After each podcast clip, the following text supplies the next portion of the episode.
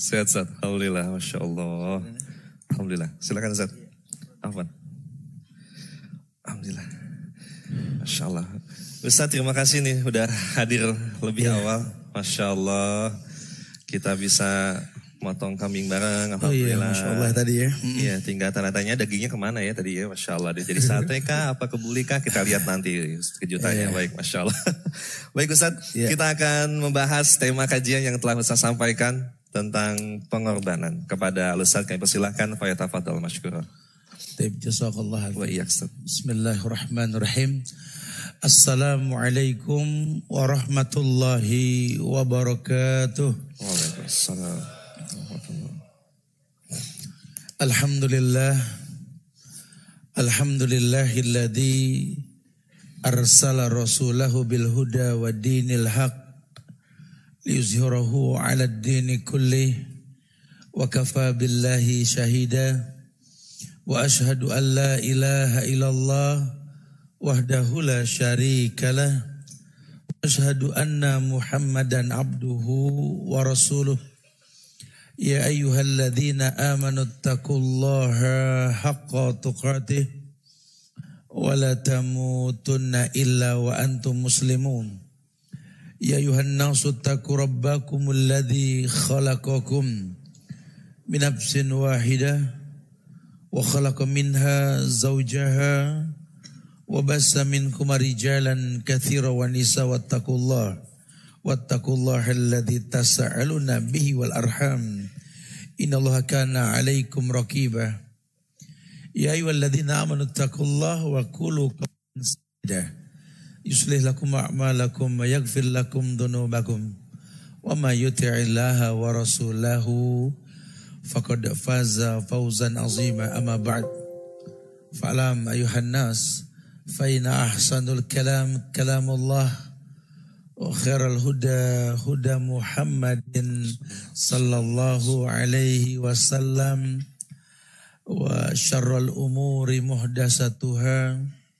وكل محدثة بدعة وكل بدعة ضلالة وكل ضلالة في النار Ma'asyiral muslimin wal muslimat Sahabat-sahabat Rabanian yang Allah muliakan dunia dan akhirat Alhamdulillah kita bersyukur pada Allah Allah mudahkan kembali kita dikumpulkan di bulan yang baik di waktu yang baik, di tempat yang baik Semoga semua yang baik Allah mudahkan buat kita insya Allah Ya sering disampaikan bahwa nasihat ulama ketika kita sudah membuat ikatan antara diri kita dengan Allah yang namanya musyaratah kita disuruh murokobah murokobah itu artinya membuat sesuatu yang menjadi takoruban ilallah.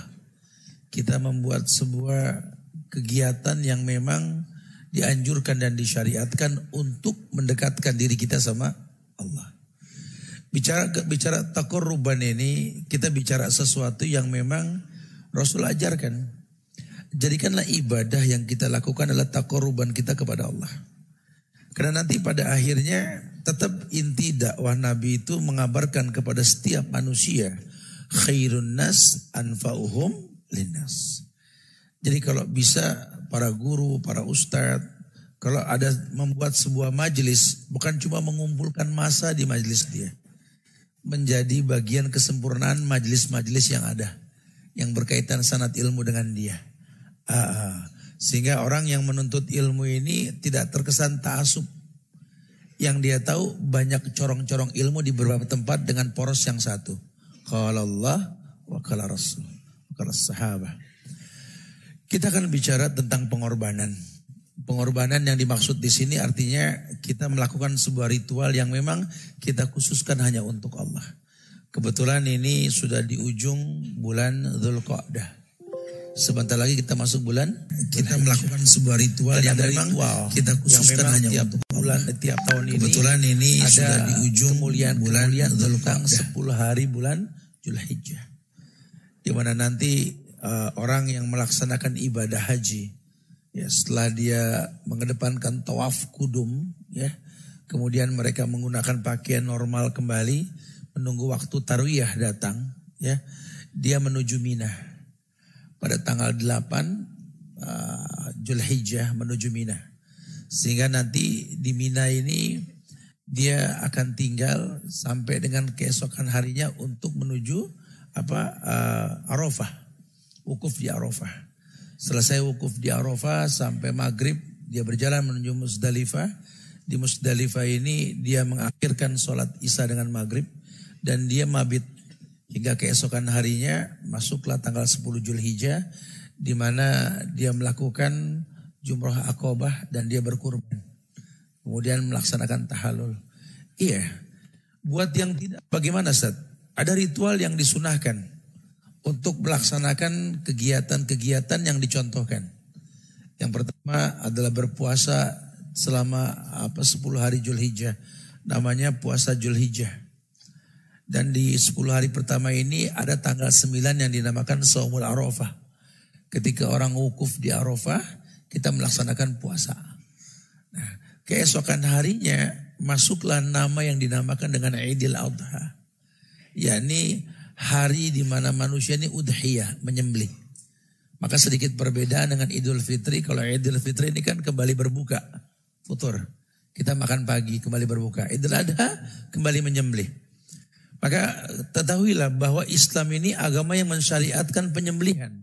Sampai dinamakan Idul Adha Artinya hari raya kembali menyembelih.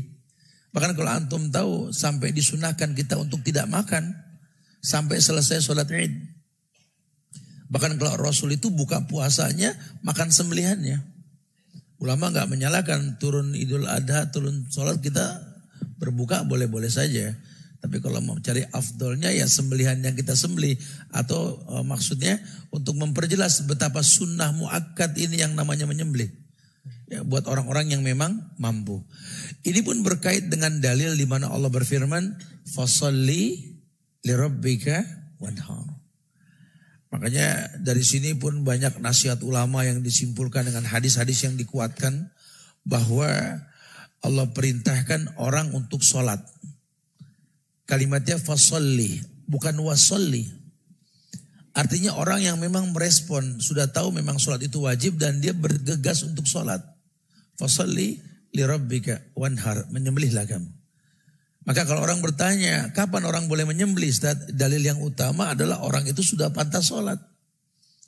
Kalau yang belum, bagaimana saya pengen menyembelihkan anak-anak saya yang pada belum sholat, masih belum balik, maksudnya gitu ya. Wallahu alam biswab. Dalilnya memerintahkan menyembelih. Mungkin yang lain bisa dilibatkan. Ya Allah terimalah kurbanku ini untuk diriku dan semua keluargaku. Ya Tapi kalau bicara menyembeli harus orang yang sholat. Sehingga nanti pun berbias bahasan orang bertanya bagaimana orang yang sudah meninggal boleh gak dikorbankan Ustaz? Wallahi ya akhi, korban ini untuk orang yang hidup, orang yang sholat. Sehingga siapa pun yang hidup kalau tidak sholat tidak boleh berkurban. Tidak boleh berkurban. Karena syariatnya orang itu sholat baru berkurban. Jadi kalau orang kafir boleh gak Zat berkorban Zat? Ya nggak boleh. Karena syaratnya Islam iman dia bers dia melakukan sholat. Karena di masyarakat juga ada nanti bos-bos kafir ini ya non muslim itu memberikan hadiah-hadiah sapi atau kambing-kambing yang besar ke beberapa instansi dan aparat-aparat hukum hadiah dari fulan fulan gitu ya. Eh, bahkan saya pernah menyaksikan ini korbannya fulan fulan ini non muslim waduh tidak ada harus orang yang sholat, harus muslim. Mungkin dia hadiahkan kepada instansi, dihadiahkan kepada tempat-tempat tertentu yang dijadikan sebagai tempat uh, pemberian hewan. Tapi kalau bisa diwakilkan, di atas namakan manusia. Karena juga dulu pernah ada instansi korban. Perusahaan-perusahaan besar di negeri kita ini banyak berkurban mengatasnamakan perusahaan. Padahal perintahnya manusia, fasolli yang berhak untuk sholat kan manusia. Ya, uh, sempat berkembang juga di masyarakat kita satu kelas orang patungan buat beli dua hewan kurban. Nah kita luruskan karena mereka mempertahankan pemahaman bahwa ini kan dalam langkah pembelajaran Ustaz. Iya. Tapi bukan berarti menyelisih syariat. Patungan sekelas boleh. Kumpul duit berapa? 5 juta Ustaz.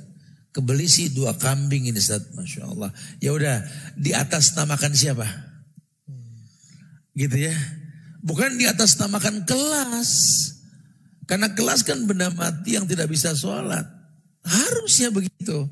Ya pembelajarannya benar. Atau nih satu RT nih kita kalau beli kambing nggak kecubit kayak dagingnya dikit kita beli sapi. Monggo.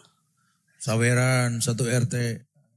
Tapi jangan pilok di badan sapi korban RT 1 RW 2 dong. Ini se RW ini. Nabinya siapa nih? Karena kalau nabinya Muhammad tuh maksimal tujuh orang gitu. Ah, nggak bisa lebih dari tujuh orang. Pun jangan diterjemahkan, oh kalau gitu saya urunan aja dah tujuh orang. Padahal dia orang mampu. Anda yang mampu, Anda harus tahu hikmah di balik kurban ini kan merontokkan dosa. Mengembalikan Anda bak bayi yang baru lahir. Sekarang kalau dosa Anda bejibun, modal gede, beli deh banyakkan dikit. Ini karena dapat bocoran beberapa tahun yang lalu katanya satu kambing bisa buat sekeluarga. Buatnya nggak mampu. Buat yang nggak mampu silakan. Saya cuma mampunya satu kambing saat pengen beliin bini, beliin anak, cuman kayaknya nggak sanggup. Saat.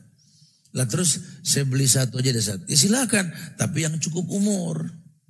Kita nggak bicara gede kecil yang cukup umur. Ah. Ya, wallahu alam kalau masalah umur saat saya cuma punya ya sejuta, sejuta dua ratus masya Allah. Pastiin dulu biar kecil tua tuh kambing betul. Jangan anak kambing, kita zolim dua kali kalau begitu ya. Zolim sama agama, zolim sama emak tuh kambing betul. Anak gue mana kepotong juga nih. ya, demi Allah wajib berilmu. Allah perintahkan fasoli li rabbika wanhar. Karena hikmah di balik orang berkurban ini kan banyak. Yang pertama ya memang dia menegakkan syariat. Allah perintahkan. Inna salati wa nusuki wa mahyaya wa mamati lillahi rabbil alam. Dia pertontonkan ubudiyah dia dalam bentuk ibadah kurban. Karena nabinya mencontohkan. Rasul berkurban. Ketika dalam kondisi tidak ada uang, dia menyembeli dua ekor kibas. Ya, untuk dirinya dan keluarganya. Bahkan dalam riwayat dikatakan untuk dirinya, keluarga dan umatnya. Tapi manakala dia punya uang lebih, dia akan sembeli lebih banyak lagi. Beliau melakukan dan para sahabat melakukan. Karena ini bentuk takoruban ilallah. Nah kalau sudah bicara takoruban ilallah, yang perlu diperhatikan apa? yakni meluruskan niat ketika dia menyembelih. Uh, kalau memang dia nggak mampu menyembelih, dia amanatkan sama orang yang bagus agamanya. Karena korban ini kan berkaitan dengan ibadah. Bicara ibadah kita bicara Islam, bicara iman. Enggak sembarangan. Cuma buat orang yang mampu boleh menyembelih ya silakan saja. Cuma efek ibadah kan perlu dibicarakan juga. Ya buat orang yang betul-betul tahu bahwa yang namanya korban ini bukan sesuatu yang main-main. Sehingga ada ahlak dalam menyembelih. Tadi sudah ada cuplikan film sepintas ya. Yang kita lakukan tadi bersama teman-teman Rabanians. Bahwa orang yang menyembelih ini harus betul-betul berilmu tentang sembelihannya. Karena Islam ini agama yang mempertontonkan akhlak.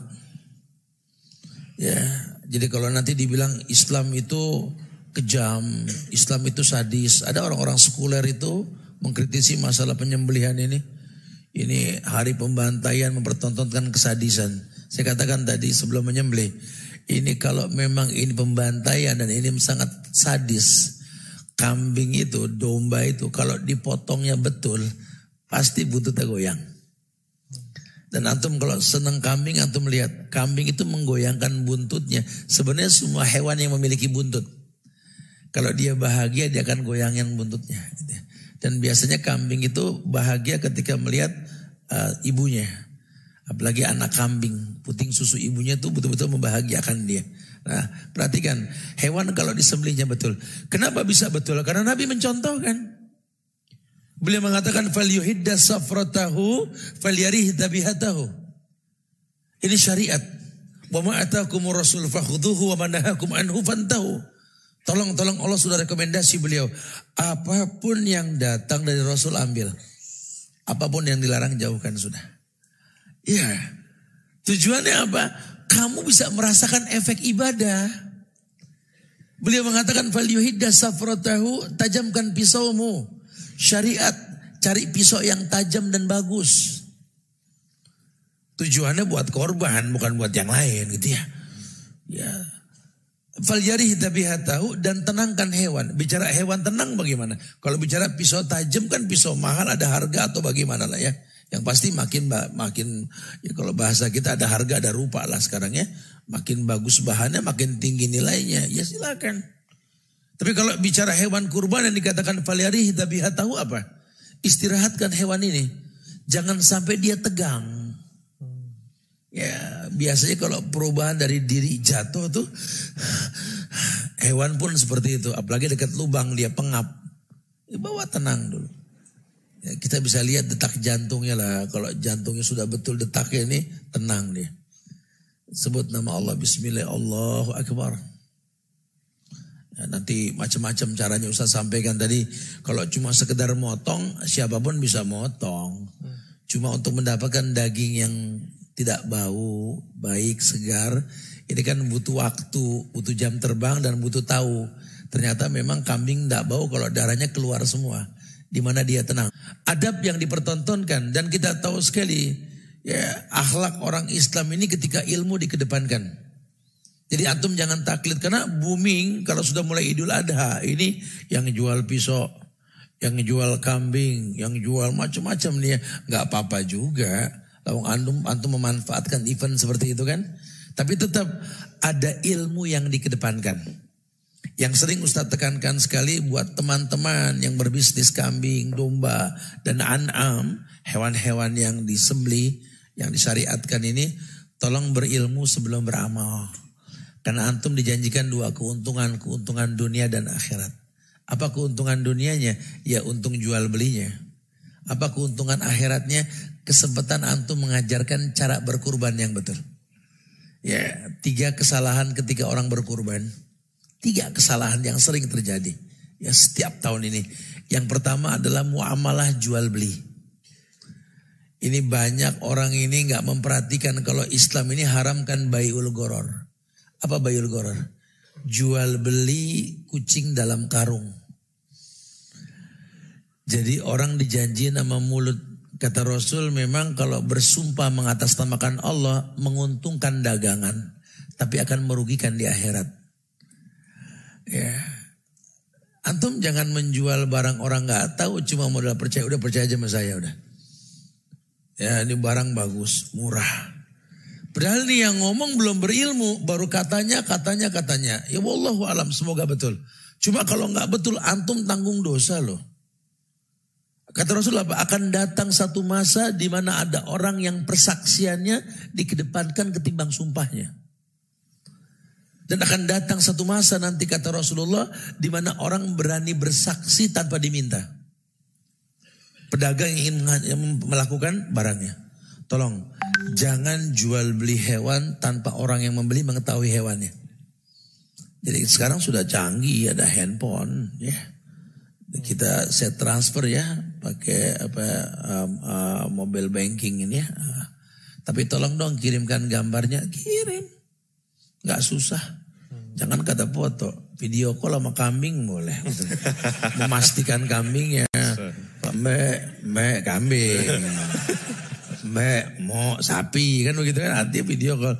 Nggak susah. Udah deh ibu tenang aja bu, gak usah ya, khawatir urusan saya di kambing yang ibu bayar kita buat nyembeli di Papua, nyembeli di Suria, di Palestina. Insya Allah kita berhusnuzan akhi, antum orang baik insya Allah. Tapi yang namanya syariat adalah syariat, tidak boleh bayul goror.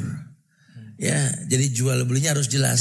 Nah, ini kan patungan sapi tak tujuh orang. Iya sapinya kirim ke tujuh orang. Ini sapinya. Maka bahkan ada hak untuk orang yang menyembeli itu kan minta jatahnya sepertiga dari bagiannya pun nggak apa-apa. Ya, sehingga antum kalau orang minta ya siap, ada akad aja dari pertama. Ya walaupun jangan kelewatan juga. Ah, ini korban saya bakal kirim ke Palestina. Tapi tolong bisa gak sepertiga ngirim ke Condet? Oh, Kelewatan juga ya. ya nggak apa-apa sebenarnya ada akad tuh yang diperjelas. Udah hati-hati bayul goror nih. Iklan-iklan sepanduk, kirimlah ke nomor rekening ini, rekening itu. Tanpa antum melihat hewannya, cuma wakil hewan di baliho. Dan itu bukan yang antum beli kan? Gak boleh bayul goror. Harus jelas antum jual beli harus jelas. Kalau nggak mungkin juga gimana Ustaz? Udah difoto cuma sinyalnya nggak bagus Ustaz. Di daerah Kalimantan, Sulawesi apa. Ada saksi yang berani bersaksi dua orang. Ya, insya Allah kami bersaksi demi Allah kami tahu sekali yang namanya hewan-hewan tersebut dengan nilai yang sama. Malaysia. Tolong jangan main-main ya. Yang kedua, betul-betul mengenal usia hewan. Ini banyak orang ini nggak kenal usia hewan. Karena yang dia tahu di negeri kita ini kan jual beli ini kan tawar menawar murah, besar dan murah. Padahal kita kalau bicara uh, hewan kurban, kita bicara usia. Ya, kita bicara usia. Oh, sama seperti orang suka bertanya, Ustadz, saya belum akekah, boleh gak saya berkurban Ustadz? Ya boleh, gak ada masalah. Cuma kalau udah berkorban berakekah lagi gak Ustadz? Ah ini khilaf. Ya kalau antum berkorban dengan dua karena antum laki-laki yang belum diakekah, Imam Ahmad mengatakan sah sudah nggak perlu akekah. Tapi kalau Imam Syafi'i berpendapat tetap akikah. Kenapa? Karena yang namanya akikah itu hari ketujuh. Taib. Nah, di mana yang disembelihkan itu bayi yang baru lahir. Tapi kalau korban bahasanya apa? Fasolli. Solatlah kamu. Jadi yang korban orang yang solat. Di sini Mazhab Syafi'i mengatakan bahwa apa beda antara kurban dengan akikah. Wallahu alam. Uh, walaupun ada pendapat nanti yang memperbolehkan kalau sudah berkurban nggak perlu berakikah. Jumlahnya sudah seperti sunnah. Akikah perempuan satu, laki-laki dua. Iya. Masya Allah. Tapi memang pada akhirnya nanti namanya akan akan tampaklah perbedaannya dalam hal ini. Sunnah orang yang berkurban itu kan ketika masuk bulan Julhijjah tidak boleh potong kuku, potong rambut sampai hari penyembelihan. Ada ritual dalam kurban itu yang tak dimiliki dalam ritual akikah. Oke. Okay? Ada ritual dalam berkurban yang tidak dimiliki oleh ritual akikah. Ya, nggak ada orang mau akikah hari ketujuh, habis lahiran si ibu si bapak nggak boleh potong kuku, potong rambut, nggak ada.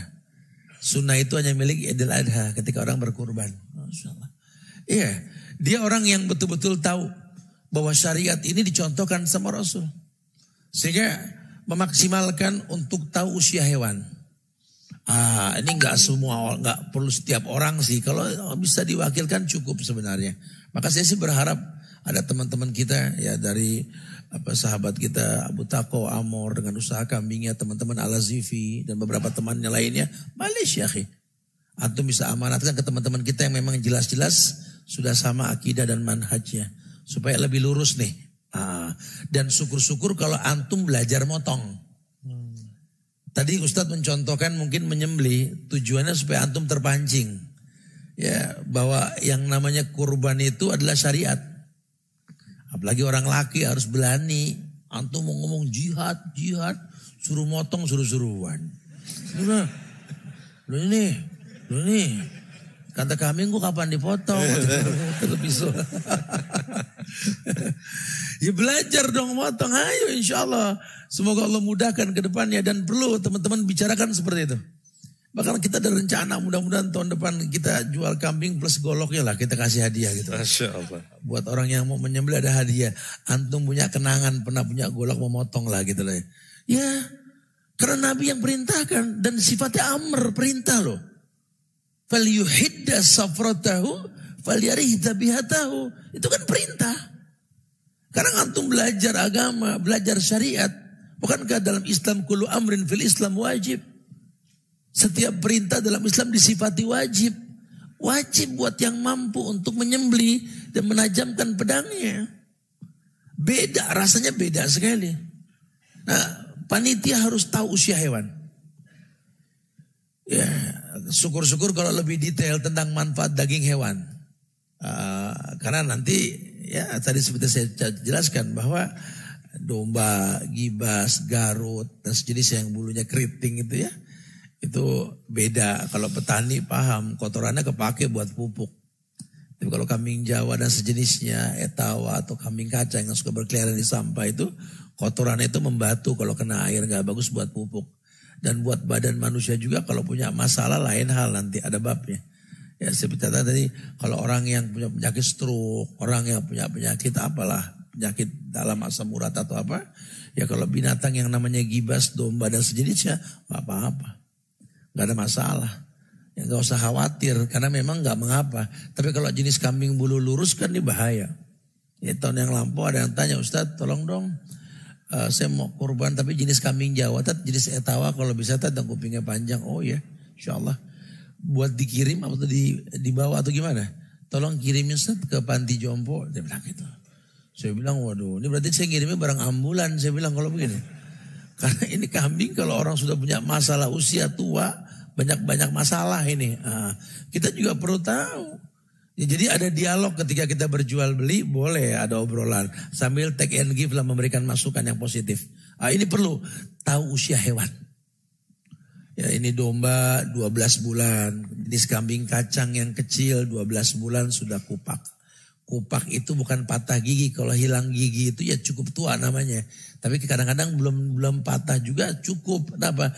Numbuh geraham, sempurna jumlah bilangan gigi, itu kupak namanya. Ah. Ya kalau jenis kambing yang besar, jenis gibas, etawa atau garut itu dua tahun 24 bulan lebih. Itu baru kupak, kita perlu paham itu. Jangan sampai sembarangan main gede motong belum cukup umur. Sama dengan sapi juga sama. Kita tapi sekarang udah alhamdulillah saya lihat ini sapi lokal di mana-mana nih. Sapi Kupang, Bali, alhamdulillah. Ya bukan berarti kita menolak sapi limosin, silakan. Kalau cukup umur silakan. Karena kalau sapi udah di atas 600 kilo udah sapi limosin dah sapi luar yang kayak ayam kampung dengan ayam boiler. Hmm. Kalau ayam kampung ini kan masya Allah ya, emang betul-betul tubuhnya kecil walaupun usianya tua. Sama dengan sapi kupang, Madura, PO sejenisnya ini sapi lokal yang nggak sebongsor sapi luar limosin itu. Dan uniknya sapi ini kan binatang anam yang bodoh, taunya ngunyah. Di gelonggong juga mereka nggak berasa tetap ngunyah. Banyak orang-orang zolim ini yang tahu banyak orang bodoh yang nggak paham usia. Taunya gede murah. Padahal isinya air. Jadi kezoliman-kezoliman terjadi. Terjadi perusakan dalam syariat ini karena kebodohan kita. Kita nggak berilmu. Dan ini perlu dipahami oleh panitia-panitia kurban. Makanya tadi saran saya sih kalau bisa memang uh, teman-teman uh, yang sudah berilmu dalam hal ini untuk banyak menjelaskan ke masyarakat. Karena ini timing yang tepat untuk kita takarub kepada Allah. Ya. Masya Allah. Kemudian yang terpenting yang ketiga yang sering terjadi kesalahan. Memperhatikan siapa yang menyembelih. Ya karena kita bicara ibadah. Dulu sahabat kalau sudah bicara ibadah, waduh detail. Ya sampai bicara jihad saja di stop satu pasukan sama Umar.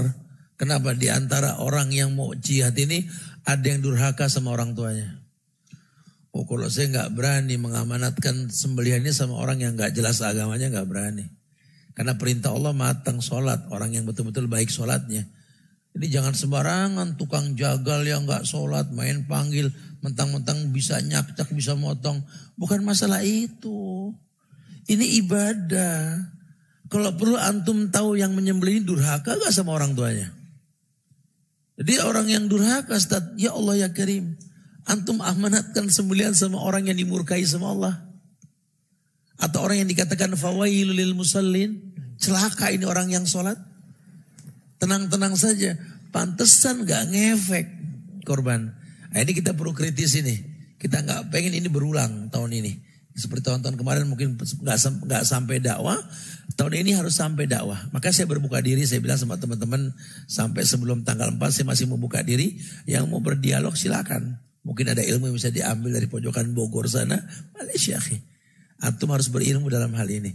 Kita ingin menegakkan kemuliaan yang ditawarkan oleh Islam. Ya, Masya Allah.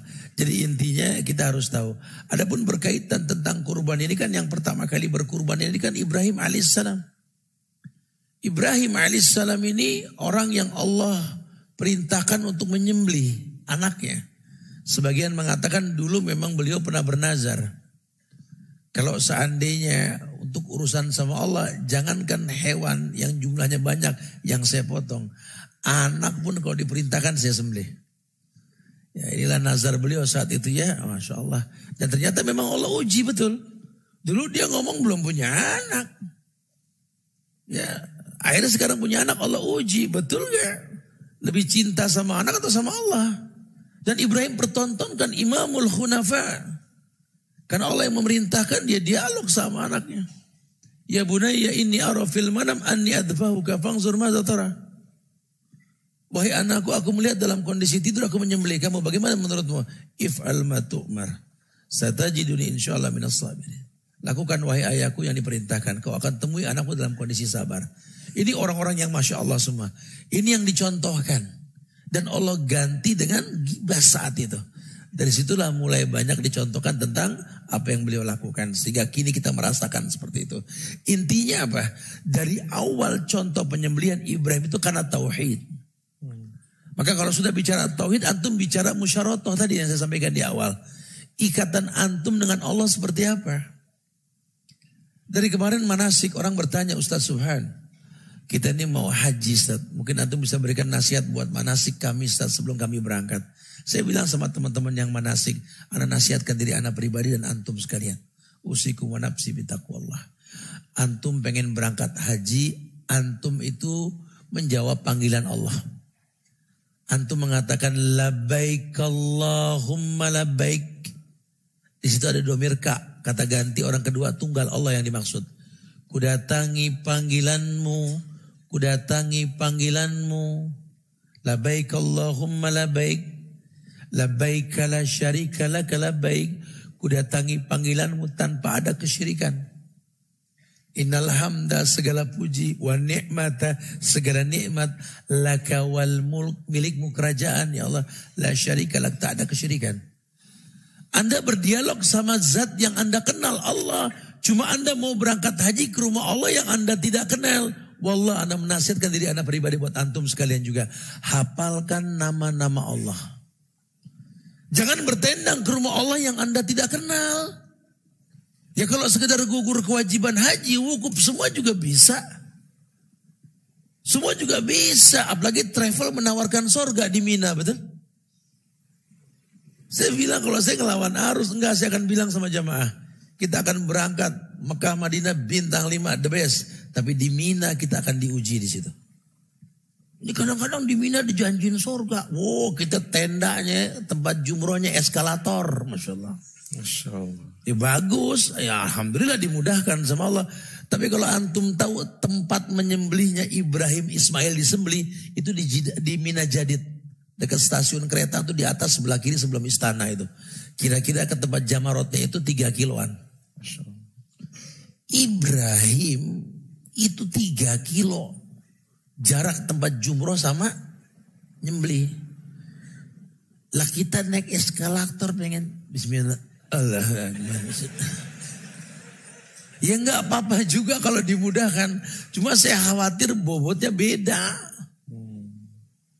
Ya, oh nanti kalau di Arafat udah tendanya full lux, VVIP tat udah nggak ada lagi Arafah panas tat dingin, dikasih tidur siang lagi. Oh masya Allah.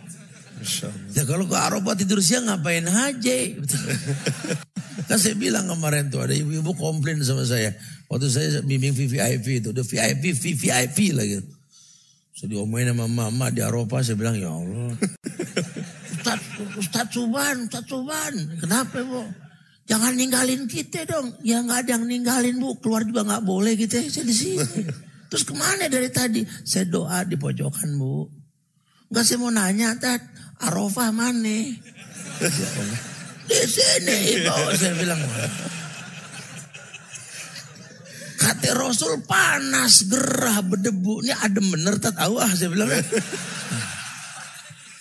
Jadi orang tuh suka salah sangka kalau nggak dilurusin. Akhirnya innalillah.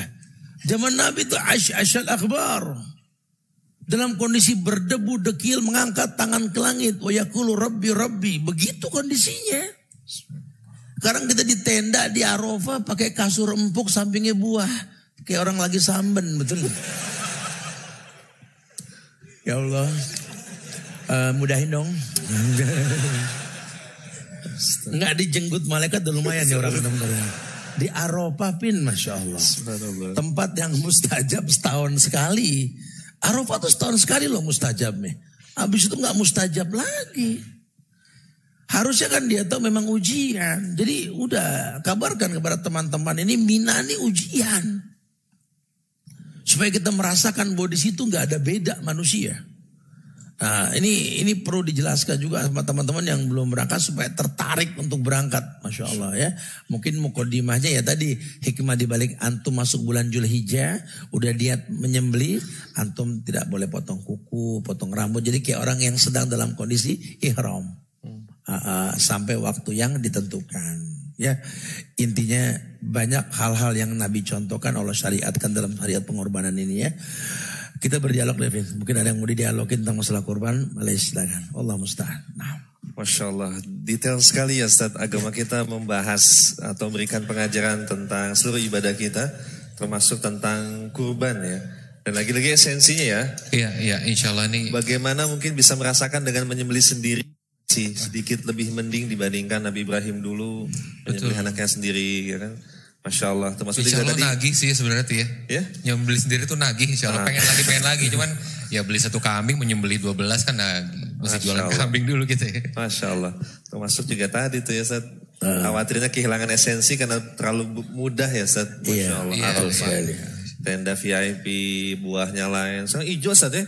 Arafah hijau Seth. Pakai karpet Oh, iya. sekarang, Masya Allah, rumput sintetis sih berasa di mana nih, Masya Allah. Tapi khair, Insya Allah kita akan memperdalam bahasan kita dengan jawab. Silakan. Iya, usahakan pertanyaan yang uh, ya supaya lebih menjurus lagi tekniknya.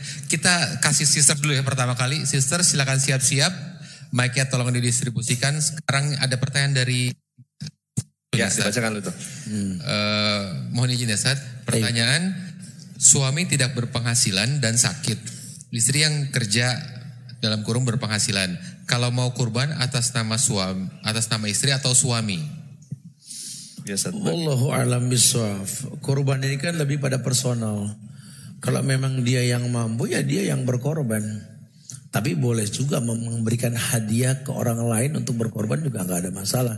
Selama orang tersebut memang sholat. Ya, berkorban.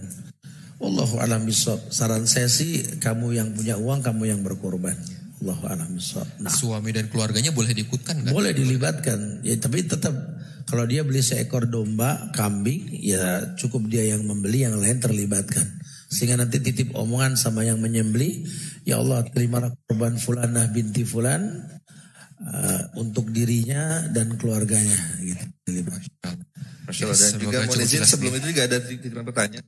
Kalau ada mempunyai harta dalam jumlah yang mirip Ustaz, untuk membeli uh, membeli hewan kurban, yeah. lebih utama membeli satu ekor kambing yang bagus atau lebih utama. Uh, okay. Tidak ada level-level baik atau tidaknya.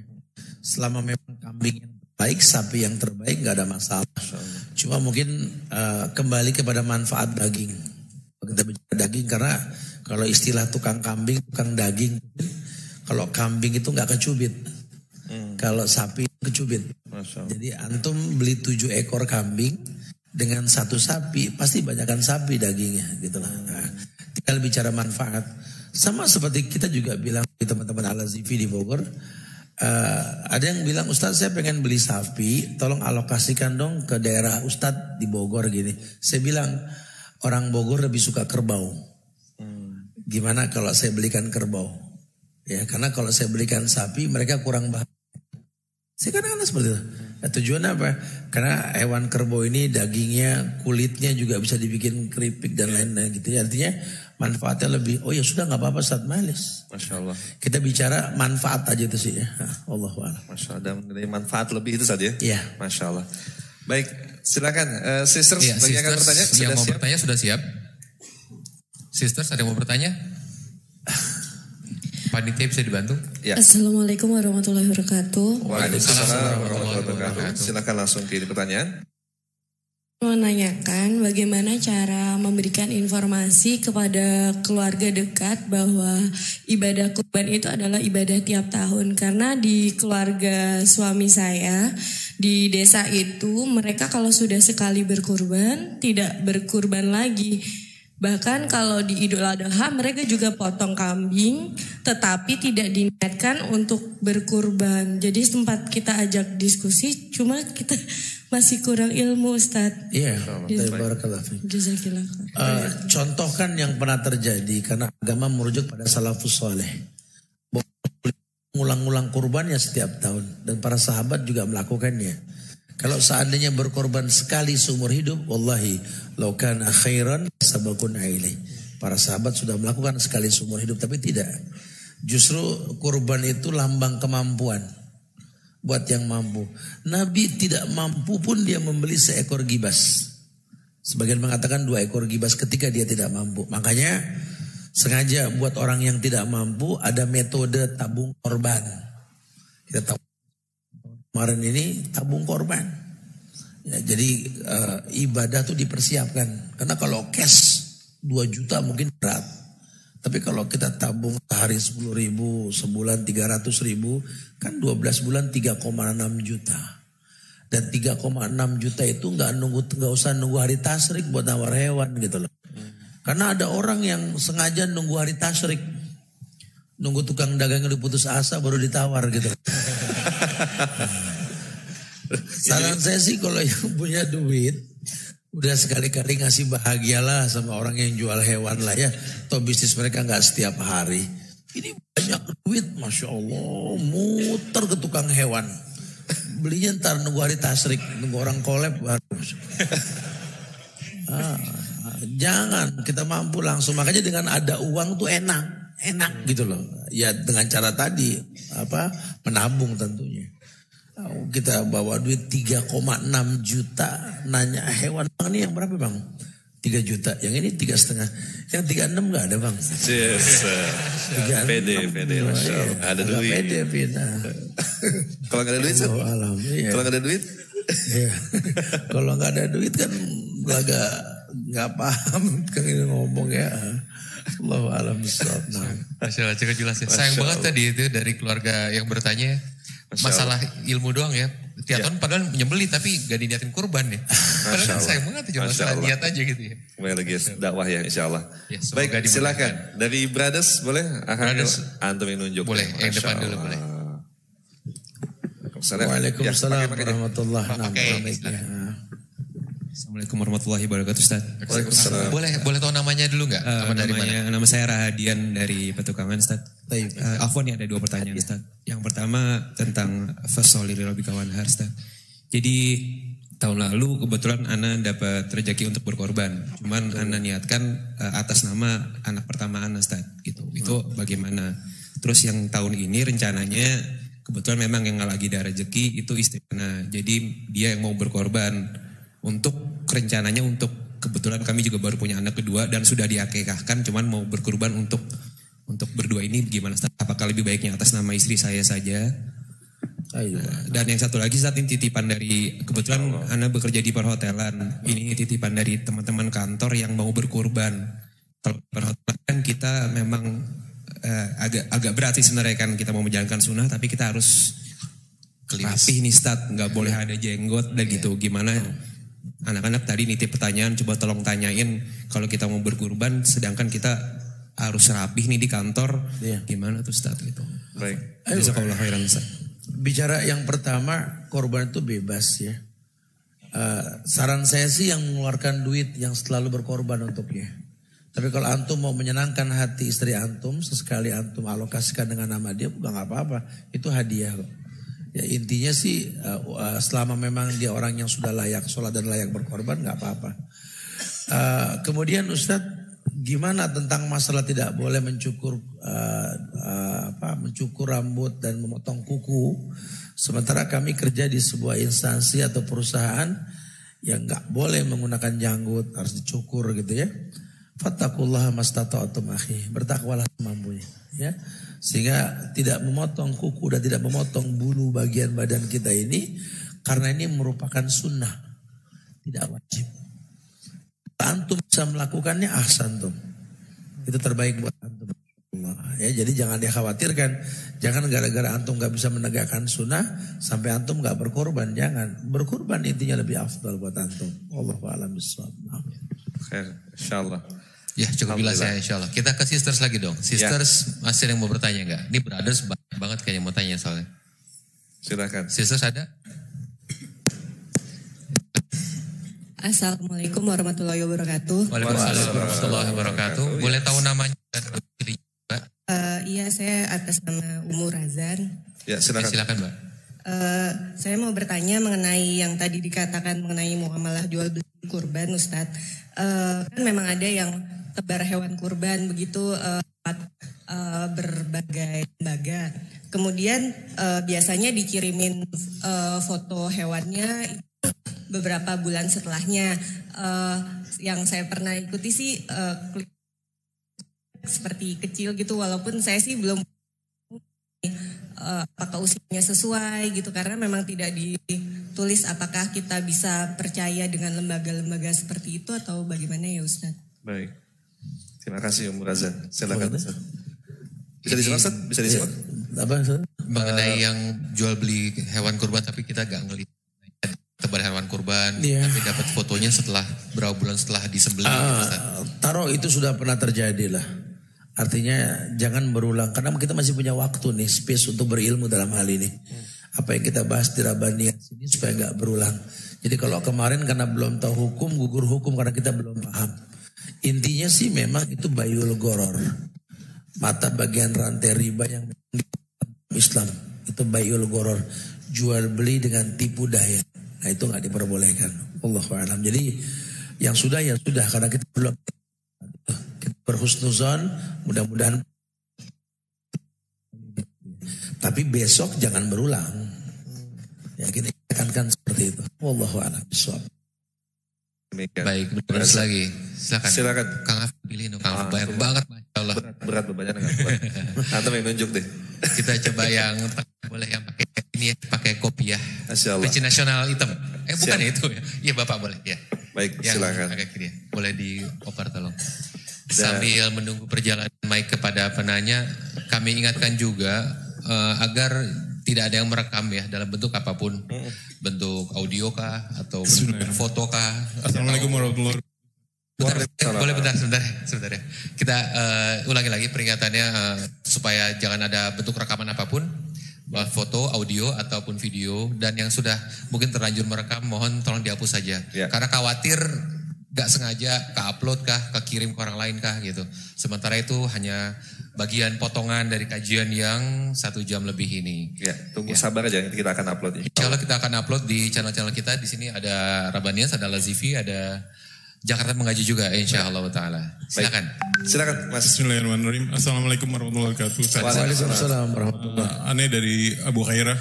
Ustaz, sekarang ada yang kurban itu langsung dimasakin Ustaz. Di tempat aneh ada yang jadi dia langsung dimasakin. Itu bagaimana Ustaz? Ustaz hukumnya.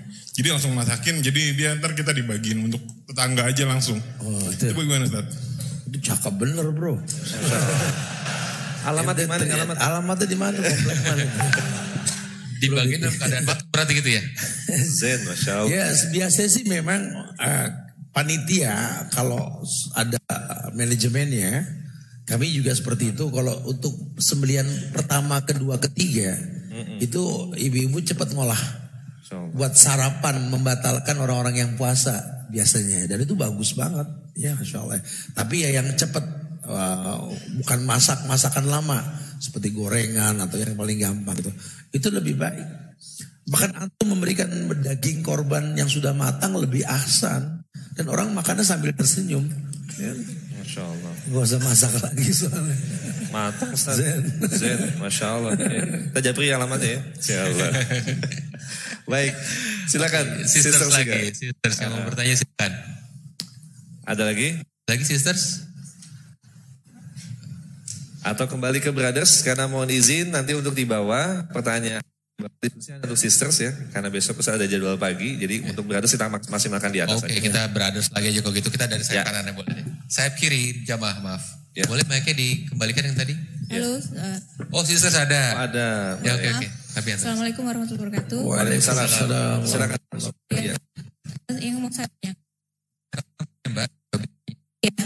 Uh, nama saya Farina dari dari Kuitang. Ya, silakan. Silakan Mbak Clarina. Iya, yang ingin saya tanyakan apabila ada bagian dari sohibul uh, kurban itu tidak diambil, apakah bisa? Oh, Kemudian okay. yang kedua, uh, seperti kulit atau jeroan dari hewan kurban itu sebenarnya dia hak dari siapa? Apakah bisa dijual untuk apa namanya uh, pembeli-pembeli gitu karena yang seperti yang pernah saya tahu saat uh, hari kurban kemudian ada pedagang-pedagang yang sudah uh, pas standby di tempat pemotongan hewan kurban. Ya, baik. Terima kasih. Assalamualaikum warahmatullahi wabarakatuh. Waalaikumsalam. Iya. Terima kasih Mbak Karina. Silakan.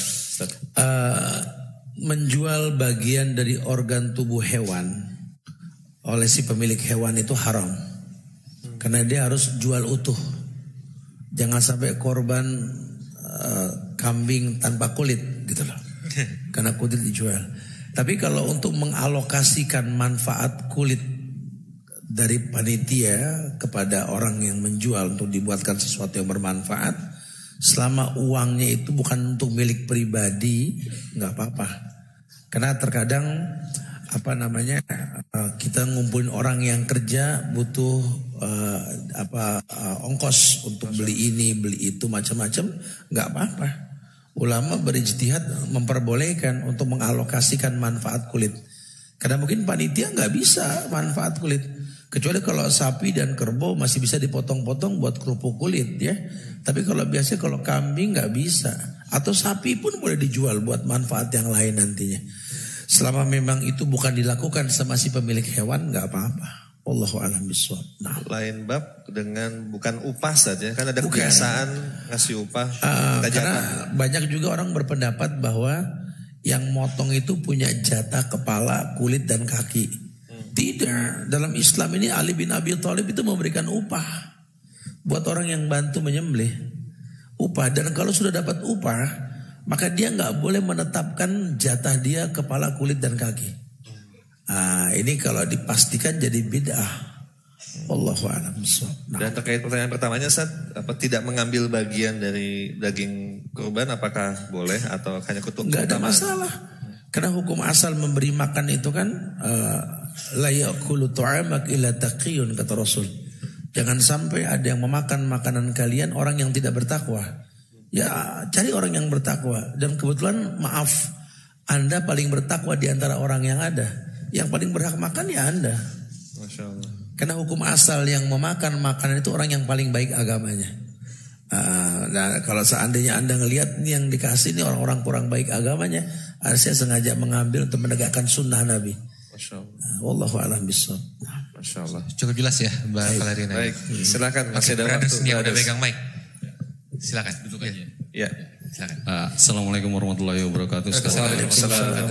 Nama Ana Randi Abu Zakir eh, Silakan. dari Bintaro. Eh, silakan. Uh, mohon maaf, Ustaz, ini ada dua pertanyaan. Ya. Uh, yang pertama, apabila kita dalam transaksi langsung untuk uh, uh, jual beli kambingnya untuk kurban, tadi kan uh, masalah dengan bayi gulgoror ya Ustaz ya. Bagaimana cara kita memastikan kalau usia si kambing itu benar-benar sudah cukup. Sedangkan uh, tips-tipsnya seperti apa gitu Ustaz untuk ya. memastikan. Uh, yang paling gampang sih tadi saya, saya sudah jelaskan bahwa banyak ikhwan-ikhwan kita ini yang usaha hewan. Ya, anak nggak niat mempromosikan karena ini masjid demi Allah tidak ada jual beli di masjid. Cuma karena momennya ini rabanya, anak akan kabarkan cobalah ke teman-teman yang jelas agamanya manhajnya yang insya Allah melalui mereka sampai dakwah tentang usia yang baik. Karena sulit menjelaskan kalau nggak ngelihat langsung nih. Hmm. Uh, tapi yang pasti jumlah gigi yang sempurna, antum juga agak susah ngebukanya kalau nggak ngelihat langsung betul. Tapi kalau teman-teman yang memang di bidangnya, insya Allah dia amanah. Uh, saya berharap teman-teman ini nggak sembarangan gitu. Uh, mungkin ada beda nilai atau beda apa, ada syakhi kurang lebih lah. Tapi yang pasti antum membeli ke orang yang antum kenal itu lebih ahsan buat antum.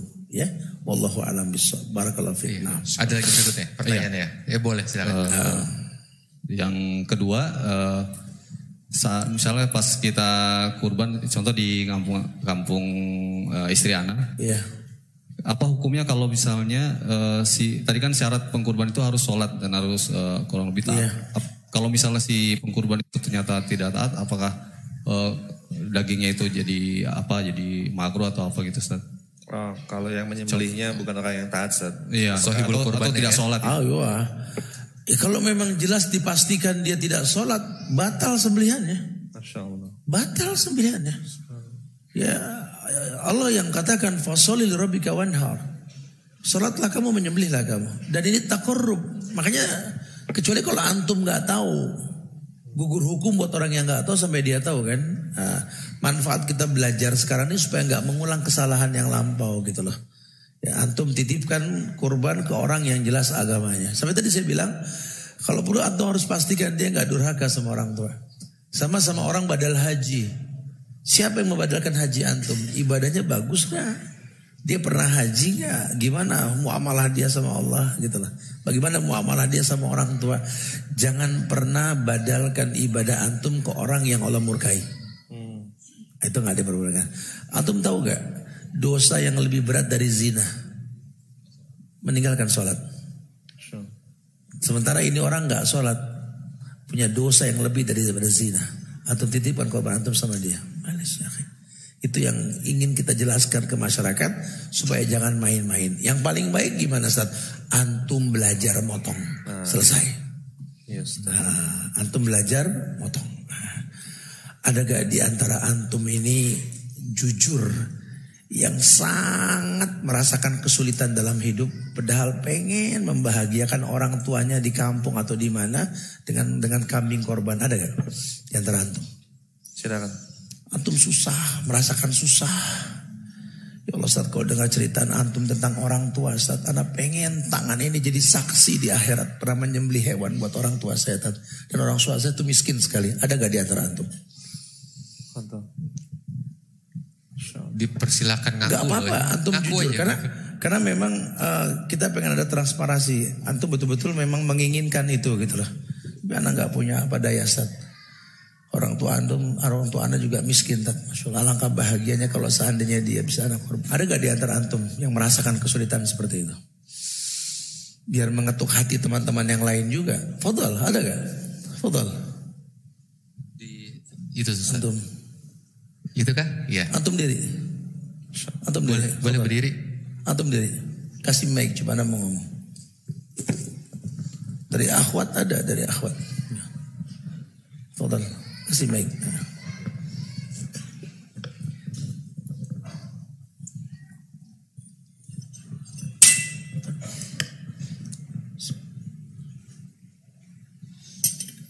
Baik.